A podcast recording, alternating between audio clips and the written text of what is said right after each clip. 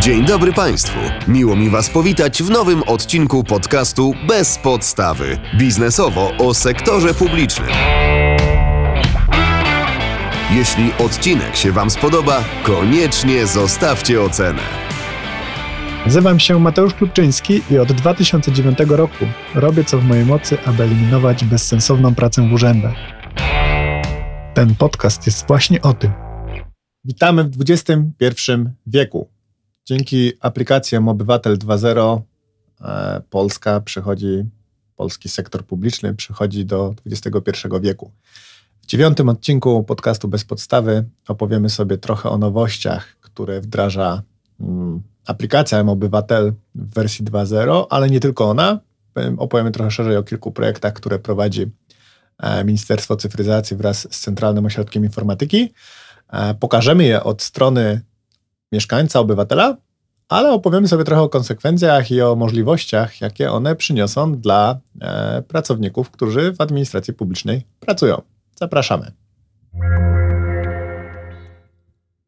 1 maja e, przywrócone do życia zostało Ministerstwo Cyfryzacji. Pamiętamy, że kilka lat temu Ministerstwo Cyfryzacji istniało jako odrębny byt, natomiast e, potem zostało wcielone e, do, e, o ile się nie mylę, Ministerstwa Administracji i Cyfryzacji albo jakiegoś takiego tworu. E, nie miało odrębnej podmiotowości, natomiast e, projekty się toczyły. E, to nie jest tak, że ministerstwo teraz wróciło i w, w jeden miesiąc było w stanie zaproponować ustawę o, o aplikację Obywatel. To nie tak. Z naszej perspektywy może to wszystko, co teraz się dzieje, wyglądać trochę jak tak zwany overnight success, czyli taki sukces stworzony w jeden miesiąc, w jeden dzień czy, czy, czy w jedną noc. Często w biznesie mówi się tak, że, że widzimy tylko ten wierzchołek góry lodowej i próbujemy oceniać, że ktoś, komuś łatwo poszło. E, dokładnie takie same zjawisko e, kusi, żeby zaszło, kiedy patrzymy na aplikację Obywatel 2.0 i na to, co ona niesie. Wygląda to trochę, ojej, teraz administracja e, jednak potrafiła wydać coś super. E, zrobiła to tak szybko i, i jak to w ogóle możliwe? No nie, to nie tak. E, żeby M-Obywatel 2.0 mógł powstać w takiej wersji, jakiej będziemy mogli ją oglądać za chwilę, musiało się wydarzyć bardzo dużo rzeczy.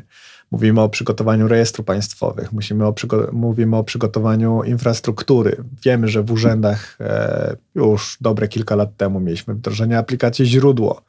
E, wiązało się to z pociągnięciem infrastruktury. Tych działań było bardzo dużo. Do tego mówimy o tym, że M-Obywatel debiutował bodaj w 2017 roku 2017 lub 2018. Ja mogę się mylić, ale też nie ma to kolosalnego znaczenia. E, do dziś zainstalowało aplikację 9 milionów mm, użytkowników.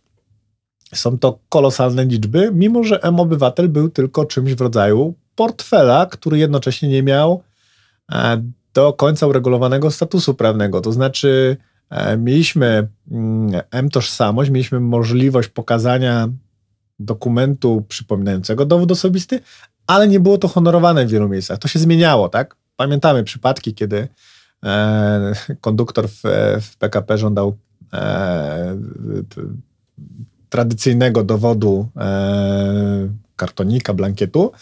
E, to się zmieniało z biegiem czasu, natomiast dziś mówimy o tym, że przechodzimy rzeczywiście do, 20, do XXI wieku, o tym, e, o tym zaraz bardzo chciałbym zwrócić uwagę na jedną rzecz.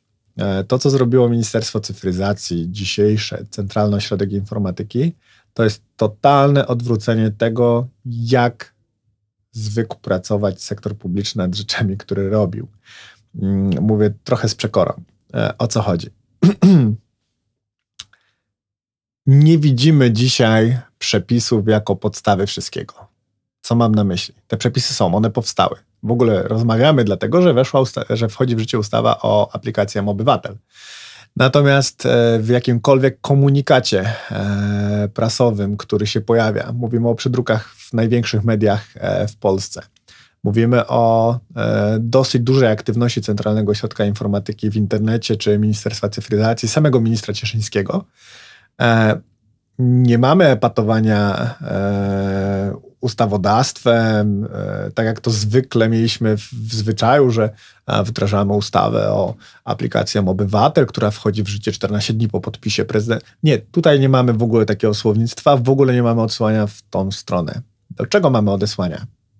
Kiedy przejrzymy dokładnie, a przeczytałem wszystko, co istniało o M-Obywatelu e, na stronach rządowych i, i idąc dalej e, w, przekazie, w przekazach medialnych, mamy zwracanie uwagi na to, że cały proces wytworzenia aplikacji M-Obywatel 2.0 poprzedzony był dość konkretnymi badaniami e, UX, tak zwanymi, czyli User Experience. Pracownicy co i pracownicy Ministerstwa Cyfryzacji skupiali się na tym, aby aplikacja była użyteczna z perspektywy obywatela. Czyli mamy swoje pomysły, co chcielibyśmy załatwić. Mamy dane, wiemy, jakie wnioski zabierają nam e, dużo czasu administracyjnego w przestrzeni kraju. Natomiast nie będziemy forsować swoich pomysłów tylko dlatego, że nam wydają się fajne będziemy robić te rzeczy, które z perspektywy mieszkańca są istotne i w taki sposób, aby mieszkaniec mógł zrobić, osiągnąć je łatwo, intuicyjnie. Dlaczego to jest tak ważne? Kiedy administracja publiczna musi konkurować o swoją uwagę z mediami społecznościowymi typu Facebook, Twitter, LinkedIn, kiedy musi konkurować w zakresie użyteczności skrzynek z Gmailem, e, nie chcę wymienić z Outlookiem, bo mam swoje zdanie na ten temat. Natomiast e, kiedy mamy światowe standardy i one są dostępne dla każdego naszego, e, dla każdego mieszkańca Polski, albo dajmy na to Allegro, które e, służy do zakupów, czy Amazon, który służy do zakupów. Te aplikacje są przygotowane po setkach, dziesiątkach tysięcy badań na użytkownikach, które prowadzą te aplikacje do tego, że one są po prostu łatwe w użyciu. I teraz, e, kiedy porównamy to do przeciętnego wyglądu formularza w urzędzie, e, w którym absolutnie nikogo nie interesuje, czy formularz robi się łatwo. Proszę mi wybaczyć te urzędy, które poświęciły na to czas. Wiem, że takie są. Natomiast przeciętny formularz w urzędzie nie ma na celu bycia łatwym w uzupełnieniu, tylko ma na celu zabezpieczenie wszystkich aspektów prawnych w danej sytuacji, które mogą wystąpić. Dlatego w formularzu, gdzie składamy PIT, mamy zamiast po ludzku napisać do, do, do człowieka po drugiej stronie, e, czy korzystasz z ulgi nie wiem, prorodzinnej, jakiejkolwiek, i nawet zrobić nazwę w cudzysłowie i wyjaśnić to później, to e, dostajemy dziesiątkami tekstów typu, czy korzystasz z ulgi, o której mowa w artykule tam 75 ustawy o jakimś tam podatku i tak dalej. E, trywializuje, ale tak to niestety wygląda. E, mi z wykształceniem prawnym jest bardzo trudno wypełniać formularze, e, bo mam świadomość, co się dzieje, jak zrobisz, jak wypełnisz formularz e, nieprawidłowo, poświadczysz nieprawdę, więc mam zwyczaj sprawdzania tego, co podpisuję. Nie było to takie, nie było to takie E, zupełnie oczywiste, że Ministerstwo Cyfryzacji czy Centralną Strategię Informatyki, który, który jakby skupia pracowników, którzy przy tym pracują, e, postąpi w ten sposób, że user experience e, będzie dla nich istotną, istotną rzeczą. Urzędy mają taki dziwny zwyczaj, że kiedy przygotowują formularze, dbają o to, żeby załatać wszystkie aspekty prawne. I dlatego formularze wyglądają w ten sposób, że oświadczamy, że zgodnie z artykułem 542 ustęp 12 punkt, e, punkt 17 e, przysługuje nam uprawnienie, o którym mowa w artykule 541 i tak dalej, i tak dalej. To jest nie do użycia. To jest, e, jeżeli jesteśmy choć trochę świadomi tego, co oświadczamy, próbujemy to sprawdzać, zajmuje to ogromną ilość czasu, jest to po prostu niewygodne. Nie wolno tak robić rzeczy, jeżeli chcemy, żeby obywatele e, ufali administracji, jeżeli chcemy, żeby obywatele nie bali się administracji, jeżeli chcemy unormować te stosunki, spójrzmy na to z perspektywy obywatela. Dla niego załatwienie sprawy w urzędzie, dostanie, nie wiem, dowodu rejestracyjnego do samochodu, e, wydanie nowego dokumentu jest sprawą dokładnie taką samą jak zakup kawy przez e, jakiś portal aukcyjny czy, czy, czy duży sklep internetowy. Chciałby, żeby to było tak łatwe. Bo, bo co to za różnica, tak? Skoro inni potrafią, to jestem już przyzwyczajony do dobrych standardów.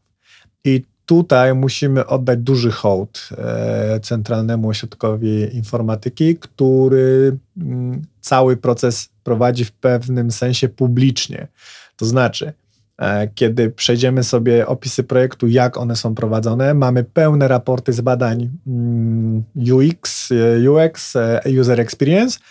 Doskonale widzimy, jakie tezy stawiano, e, jakie hipotezy stawiano w tych badaniach, e, widzimy jak je weryfikowano, widzimy co odpowiadali użytkownicy. Łącznie z tym, że zastanawiano się, czy podpis pod dokumentem powinien być po prostu dokument ważny, czy powinien być data ważności dokumentu z, z, z rozwinięciem daty. Tego typu rzeczy powodują, że kiedy jako obywatel włączam aplikację, ja od razu widzę najważniejsze rzeczy, albo ich nie widzę i muszę ich doszukiwać. Jeżeli my w obywatelu powodujemy, że że te rzeczy są trudno dostrzegalne na pierwszy rzut oka albo rozumie je potocznie inaczej niż byśmy chcieli, no to powodujemy zmniejszenie zaufania do aplikacji, e, zmniejszenie zaufania do dokumentów. Powodujemy, że ileś osób odpadnie na procesie wdrożenia się w to. E, a kiedy mamy tak profesjonalnie zrobiony mm, proces poprzedzający wdrażanie, po pierwsze, pierwszej kolejności implementujemy te usługi do aplikacji obywatel, które są najważniejsze z perspektywy obywateli, które zabierają nam czas i nas irytują. Na przykład to, że ja mogę teraz w pociągu, wiem, można było od dłuższego czasu, natomiast mogę dzisiaj, e, a raczej od, od piątku 14 lipca, e, legalnie posłużyć się mm, M-dowodem e, w taki sposób, że nie muszę mieć zamiennika tego blankietowego, tradycyjnego dowodu. Dobrze, jeżeli to będzie dla mnie wygodne, jeżeli będę miał to włączyć w dwóch, trzech kliknięciach. Najlepiej, jeżeli będzie to szybsze niż wyciągnięcie portfela i e, wyciągnięcie tradycyjnego dokumentu. Wtedy ta aplikacja ma duże szanse na to, na powodzenie i na stanie się takim e, cyfrowym centrum życia e, obywatela w sprawach takich klasycznie e, obywatelskich. E, super, że ten proces tak się wytwarzał. Co więcej, to widać e, po tym, jak wyglądają te makiety, czy jak wygląda beta wersja e, aplikacji Obywatel. To bardzo widać, to bardzo czuć, jest ona przyjemna w użyciu, jest ona intuicyjna. Powiedzieliśmy chwilę o tym, że aplikacja, czy całe podejście, na przykład zdefiniowanie tego, że chcielibyśmy mieć pełnomocnictwa e, do reprezentowania przed urzędem w aplikacji, albo możliwość zastrzeżenia PESEL, albo które dokumenty są najpopularniejsze, e, wynika z badań e, na użytkownikach, to nie wszystko. Jak już mamy tak profesjonalne podejście do aplikacji, duże zwrócenie uwagi nastąpiło na język, w jakim administracja się komunikuje z mieszkańcem. Co to znaczy? Na stronach, na stronach rządowych możemy znaleźć poradnik, czym posługiwało się co i podczas wytwarzania procesu wytwarzania M-Obywatela i tam dostaniemy kilka e, rad, jak e, komunikować e, takie tradycyjne, takie tradycyjne komunikaty urzędowe. Przypomnę tylko, że nasz podcast nazywa się Bez podstawy, właśnie jako pewne przeciwieństwo do tradycyjnego urzędowego pisma, które zaczyna się od słów na podstawie artykułu jakiegoś. Chcemy od tego odejść, chcemy promować dobrą administrację, chcemy promować administrację prostą, zrozumiałą dla mieszkańca. I tutaj mamy jeden do jeden to, co jest naszym marzeniem, zaczyna się dziać e, naprawdę i zaczyna się dziać na bardzo fajnym poziomie. E, dokładnie to możemy zauważyć na stronach, e, na stronach e, tych poradnikowych COI, gdzie, gdzie informują, jak moglibyśmy mm, zmienić formę komunikacji na to, żeby język był prosty. Czyli zamiast informacji, że aby uzyskać odpis dokumentu, musisz w ciągu trzech dni nie, jeżeli potrzebujesz odpisu dokumentu, zwróć się do urzędu w ciągu trzech dni od jego, tam, od daty jego wydania. Oczywiście zmyślam komunikat, natomiast chodzi o taką formę tego, jak to ubierać. Każdy urzędnik powinien e, przejść ten schemat. E, wiem, że są urzędy, dużo, my jesteśmy w Poznaniu, dużo się słyszy o tym, jak Urząd Miasta Poznania e, zmienia formę komunikacji i to są bardzo dobre kierunki. Pozostaje się tylko, tylko cieszyć. Tutaj w COI, w Ministerstwie Cyfryzacji mamy bardzo dobry przykład tego, jak to robić. Aplikacje dają komunikaty, które są zrozumiałe, które które po prostu e, przeciętny, przeciętny obywatel e, powinien prawidłowo zrozumieć. To teraz odpowiedzmy sobie, gdzie dziś jesteśmy. Jesteśmy w przededniu 14 lipca, a 14 lipca wchodzi w życie właśnie nowa ustawa o aplikacji M-Obywatel. Mówię nowa ustawa, nie było poprzedniej ustawy o aplikacji M-Obywatel. M-Obywatel był rozsiany po, po innych e, przepisach, były, były szczątkowe przepisy w, w, w innych regulacjach. Tutaj mamy, wiemy, że jest jedno miejsce, w którym znajdziemy e, to, co normuje e, wagę dokumentów, to, co normuje, w jaki sposób następuje komunikacja i tak dalej, i tak dalej.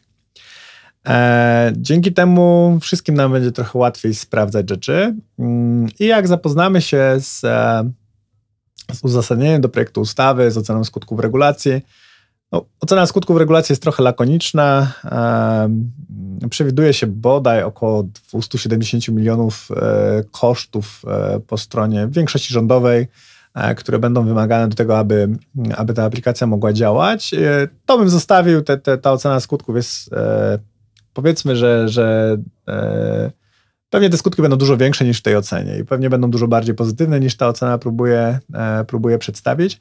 Mm, Ale skupmy się na kilku drobnych rzeczach, które ustawa, zostawmy już ustawę, ale tak, które te przepisy umożliwiają.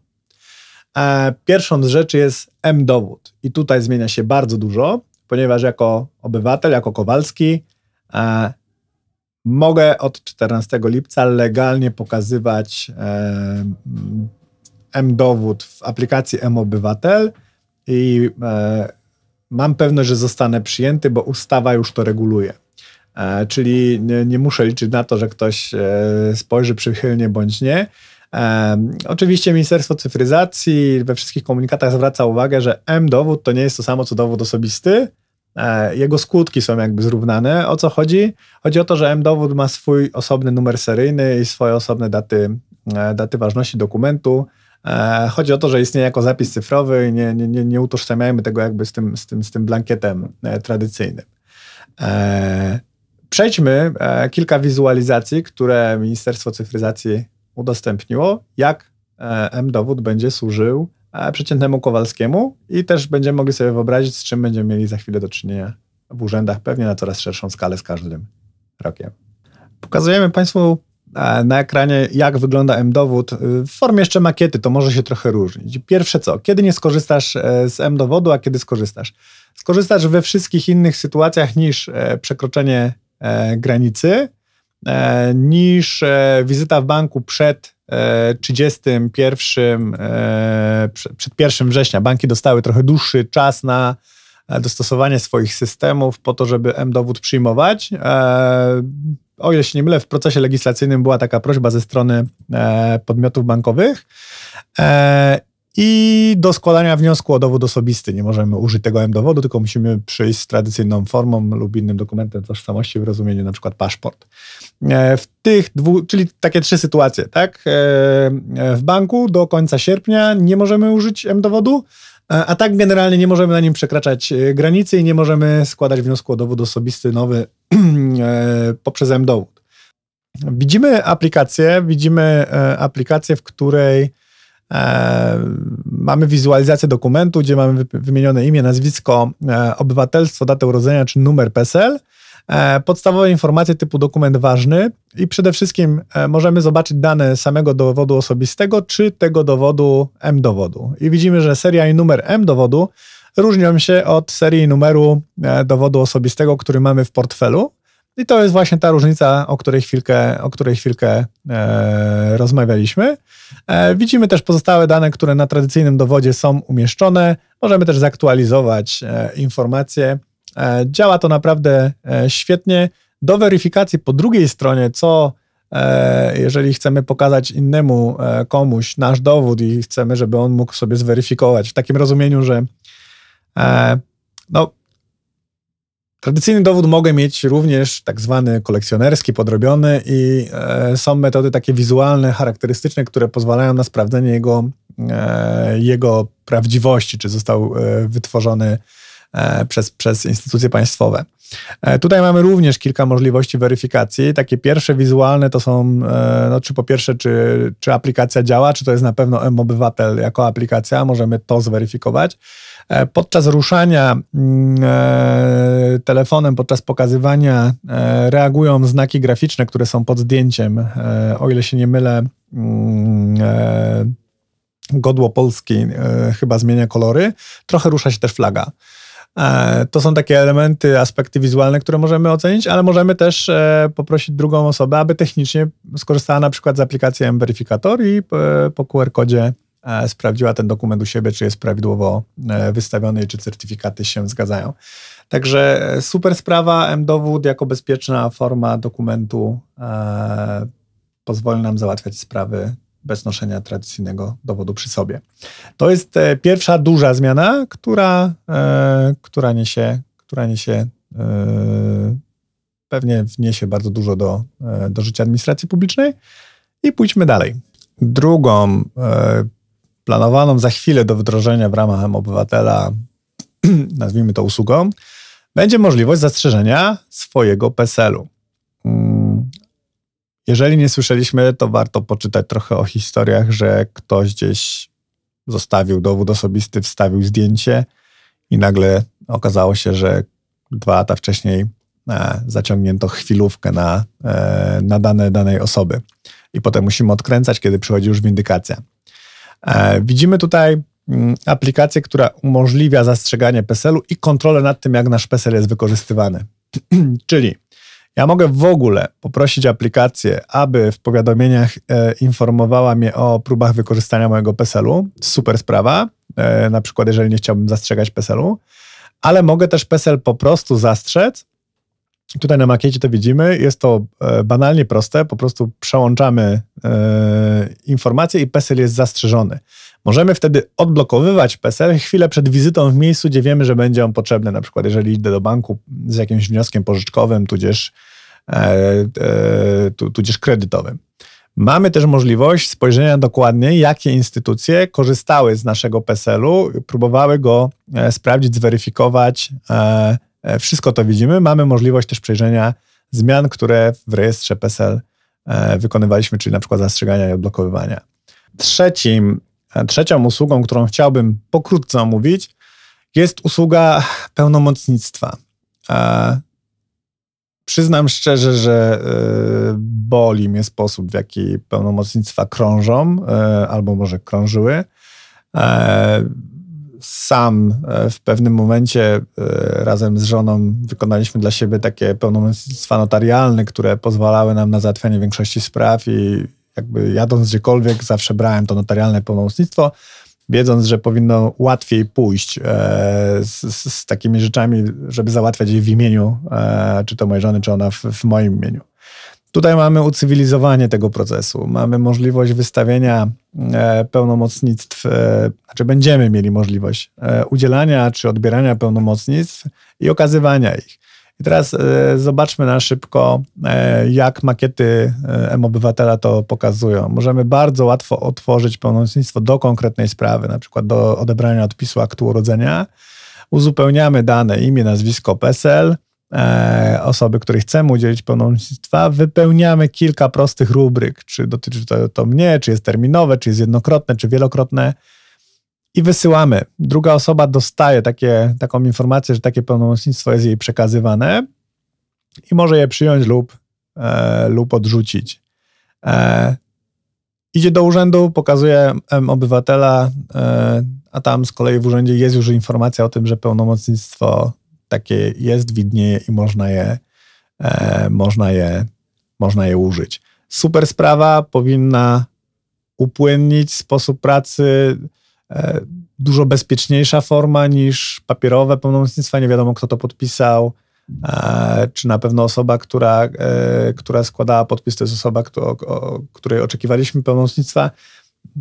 Ucywilizowanie procesu upoważniania innych obywateli do tego, żeby załatwiać coś w naszym imieniu. I teraz dwie bardzo ważne sprawy, dwie bardzo ważne usługi, które COI z Ministerstwem Cyfryzacji opracowują w kontekście M-Obywatela między innymi, mm, to są e, e-płatności i e-doręczenia. Dlaczego? E-płatności, zaraz zobaczymy sobie z perspektywy mieszkańca, rewelacyjna usługa, która pozwala mi mobilnie, elektronicznie zapłacić kilkoma kliknięciami za e, należności wobec mojego samorządu terytorialnego lub wobec innych organów administracji. E, e, przykład, który pokazujemy na makiecie, e, to jest przykład e, Urzędu Miasta Bydgoszczy, podatek od nieruchomości za 2023 rok do zapłaty 422 zł. I jako mieszkaniec, jeżeli mój urząd zintegruje się z e, M-Obywatelem, z tą usługą e-płatności, jako mieszkaniec będę mógł dostać taką informację, będę mógł dostać powiadomienie wcześniej o tym, że oczekujemy płatność podatku i mogę po prostu go zapłacić blikiem. To są najlepsze wzorce tego, jak robią e, chociażby e, wszystkie sklepy internetowe. Dzisiaj dostajemy taką możliwość w piekielnie wygodny sposób, piekielnie przejrzysty sposób, żeby po prostu zapłacić za e, usługi mieszkańca. Teraz z perspektywy mieszkańca trochę, czy obywatela, jak to wygląda. Mało kto z nas wie, do którego urzędu ma coś tam zapłacić.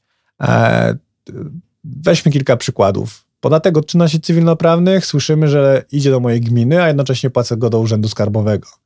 E, opłata skarbowa muszę ją zapłacić w, do gminy, Natomiast mogę się nią posługiwać na przykład w powiecie, w starostwie powiatowym. Są bardzo dziwaczne schematy. One oczywiście, każdy z nich ma jakieś uzasadnienie. Teraz wyobraźmy sobie, co jeżeli jako obywatel ja nie musiałbym wiedzieć, który organ, który urząd dostaje moją opłatę. Po prostu widzę, mniej więcej sprawdzam UM Bydgoszcz. No mieszkam w Bydgoszczy albo mam nieruchomość w Bydgoszczy, no to jasne jest, że z tej Bydgoszczy mogę dostać opłatę. Jestem e, zawołany, żeby zapłacić opłatę. E, super sprawa. Za chwilkę sobie przejdziemy, jak to będzie wyglądać od strony mieszkańca. I jedna bardzo ważna rzecz. Dużo więcej o tym, jak ze strony urzędu skorzystać z e-płatności u siebie, opowiemy na konferencji na zjeździe skarbników, który odbędzie się 18 września e, w poniedziałek e, w Poznaniu. Zapraszamy bardzo serdecznie. E, na dziś jeszcze nie mamy e, stuprocentowej pewności, ale taką 90% pewność, że osoby, które odpowiadają za tą e, usługę, przyjadą, żeby ją pokazać, żeby udzielić wszelkich informacji urzędom, jak skorzystać z takiej formy płatności, jak, jak podejść, co zrobić, żeby, żeby móc taką e-płatność wdrożyć u siebie w urzędzie. Te wszystkie informacje będą u nas na zjeździe. E, będziemy też dalej informować. Bardzo nam się podoba ten projekt, bardzo nam się podoba, że jest on, że jest on robiony, bardzo wspieramy go, e, bo po prostu jest wygodny dla obywateli, jest zrobiony bardzo dobrze z tej perspektywy właśnie obywatela. E, nie będę więcej tutaj zdradzał szczegółów, natomiast, natomiast można się dowiedzieć więcej na pewno na zjeździe skarbników, który będzie 18 września. Spójrzmy teraz na, na samą aplikację, e, jakby to miało wyglądać. E, po pierwsze, widzę status do zapłaty, e, widzę, kto mi go wystawił. Mogę przejrzeć też historycznie, jakie rzeczy już płaciłem poprzez aplikację. Mogę przejść do szczegółów samej płatności, o co tam chodzi. Będę miał rozwinięcie informacji, do kiedy jest termin płatności, jaki jest tytuł zobowiązania, czy sam identyfikator zobowiązania. I po zweryfikowaniu tego, że tak, faktycznie taka płatność pewnie mnie dotyczy, przechodzę do płatności wpisuję kod BLIK, klikam zapłać, potwierdzam w aplikacji e, mobilnej banku, z którego korzystam, że tak, płatność BLIK jest OK i sukces. Zajęło mi to trzy kliknięcia. E, mogę pobrać pokwitowanie lub wrócić. Widzimy już, że e, w historii ta transakcja jest jako opłacona. Ostatnią usługą, którą chciałbym troszkę przybliżyć, ale też e, nie aż tak głęboko, żeby, żeby opowiedzieć o niej całej, bo jest mnóstwo szkoleń już na ten temat e, w internecie, z których można skorzystać i one bardzo szczegółowo o tym opowiedzą. E, jest usługa doręczenia, która będzie możliwa do odbierania w M-Obywatelu. Mm, wiemy, że w grudniu tego roku jednostki samorządu terytorialnego na przykład będą musiały zacząć korzystać mm, z, z e-doręczeń, w stosunku do komunikacji na przykład z innymi instytucjami publicznymi lub z, e, o ile się nie mylę, z podmiotami wpisanymi do KRS e, czy CIDG, e, czy z adwokatami, radcami prawnymi, tego typu podmiotami, to oczywiście każdy musi sobie zweryfikować. Potem z biegiem lat ta usługa będzie rozszerzana łącznie już do całej korespondencji prawie między wszystkimi podmiotami. W zasadzie tylko osoby fizyczne nie będą zmuszone do tego, żeby e, korzystać z e-doręczeń, czyli może inaczej z tej usługi elektronicznego e, odbierania dokumentów. O co mniej więcej chodzi?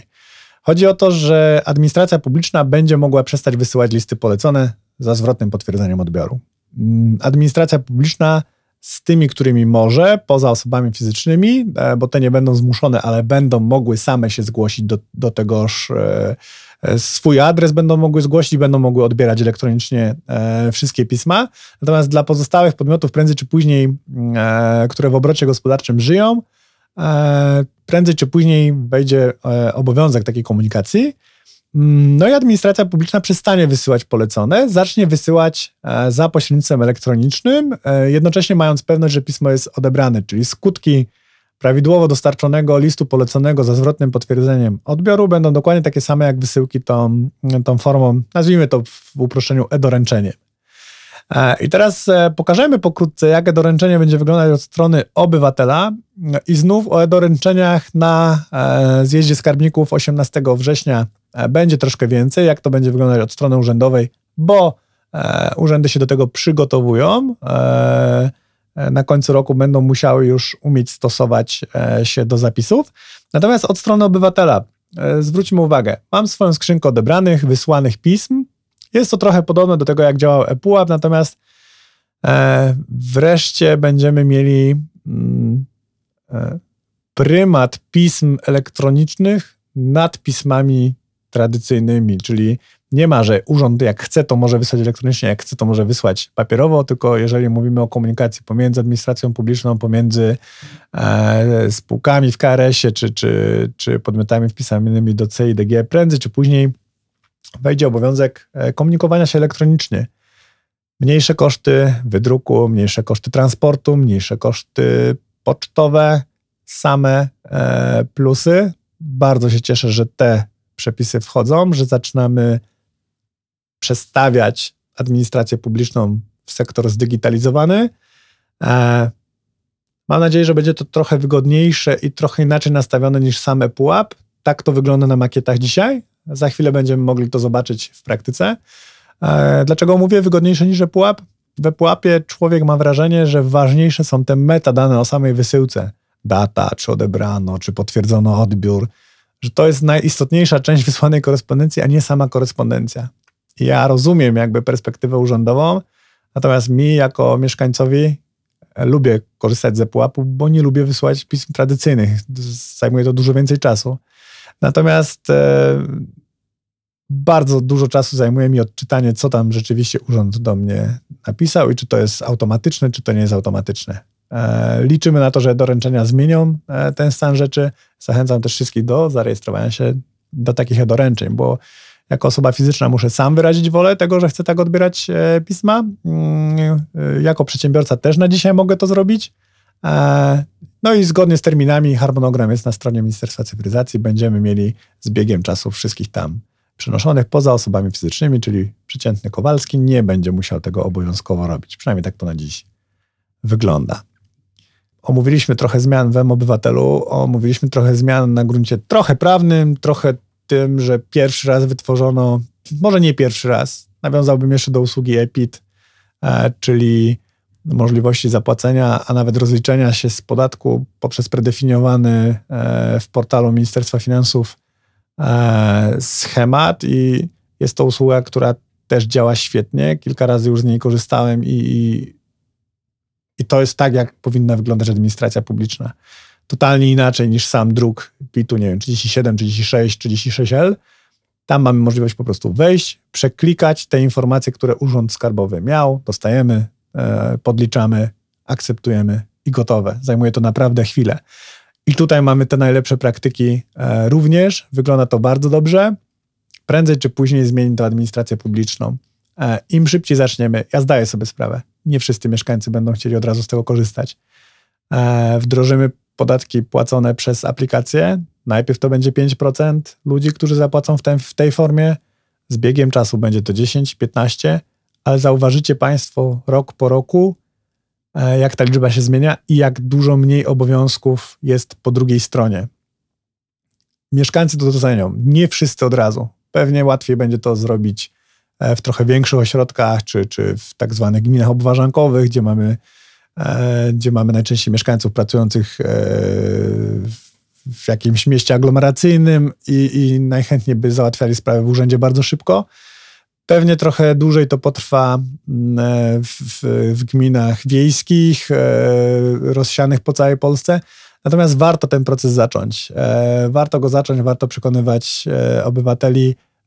Zmniejszamy zużycie niepotrzebnych kalorii urzędniczych, jeżeli robimy rzeczy w sposób cyfrowy.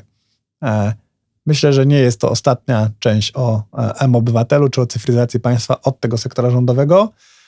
Te projekty są bardzo fajne. E, zapraszamy na e, zjazd skarbników, aby wysłuchać więcej, prawdopodobnie od osób z Centralnego Ośrodka Informatyki. E, a my pewnie będziemy tematy kontynuować razem, jak będą wdrażane nowe usługi, które mają usprawniać kolejne elementy życia. Będziemy pewnie o nich informować również w tej formie podcastowej. Dziękuję i do usłyszenia, do zobaczenia. Dziękujemy za przesłuchanie naszego podcastu. Będziemy wdzięczni za wystawienie oceny i subskrypcję.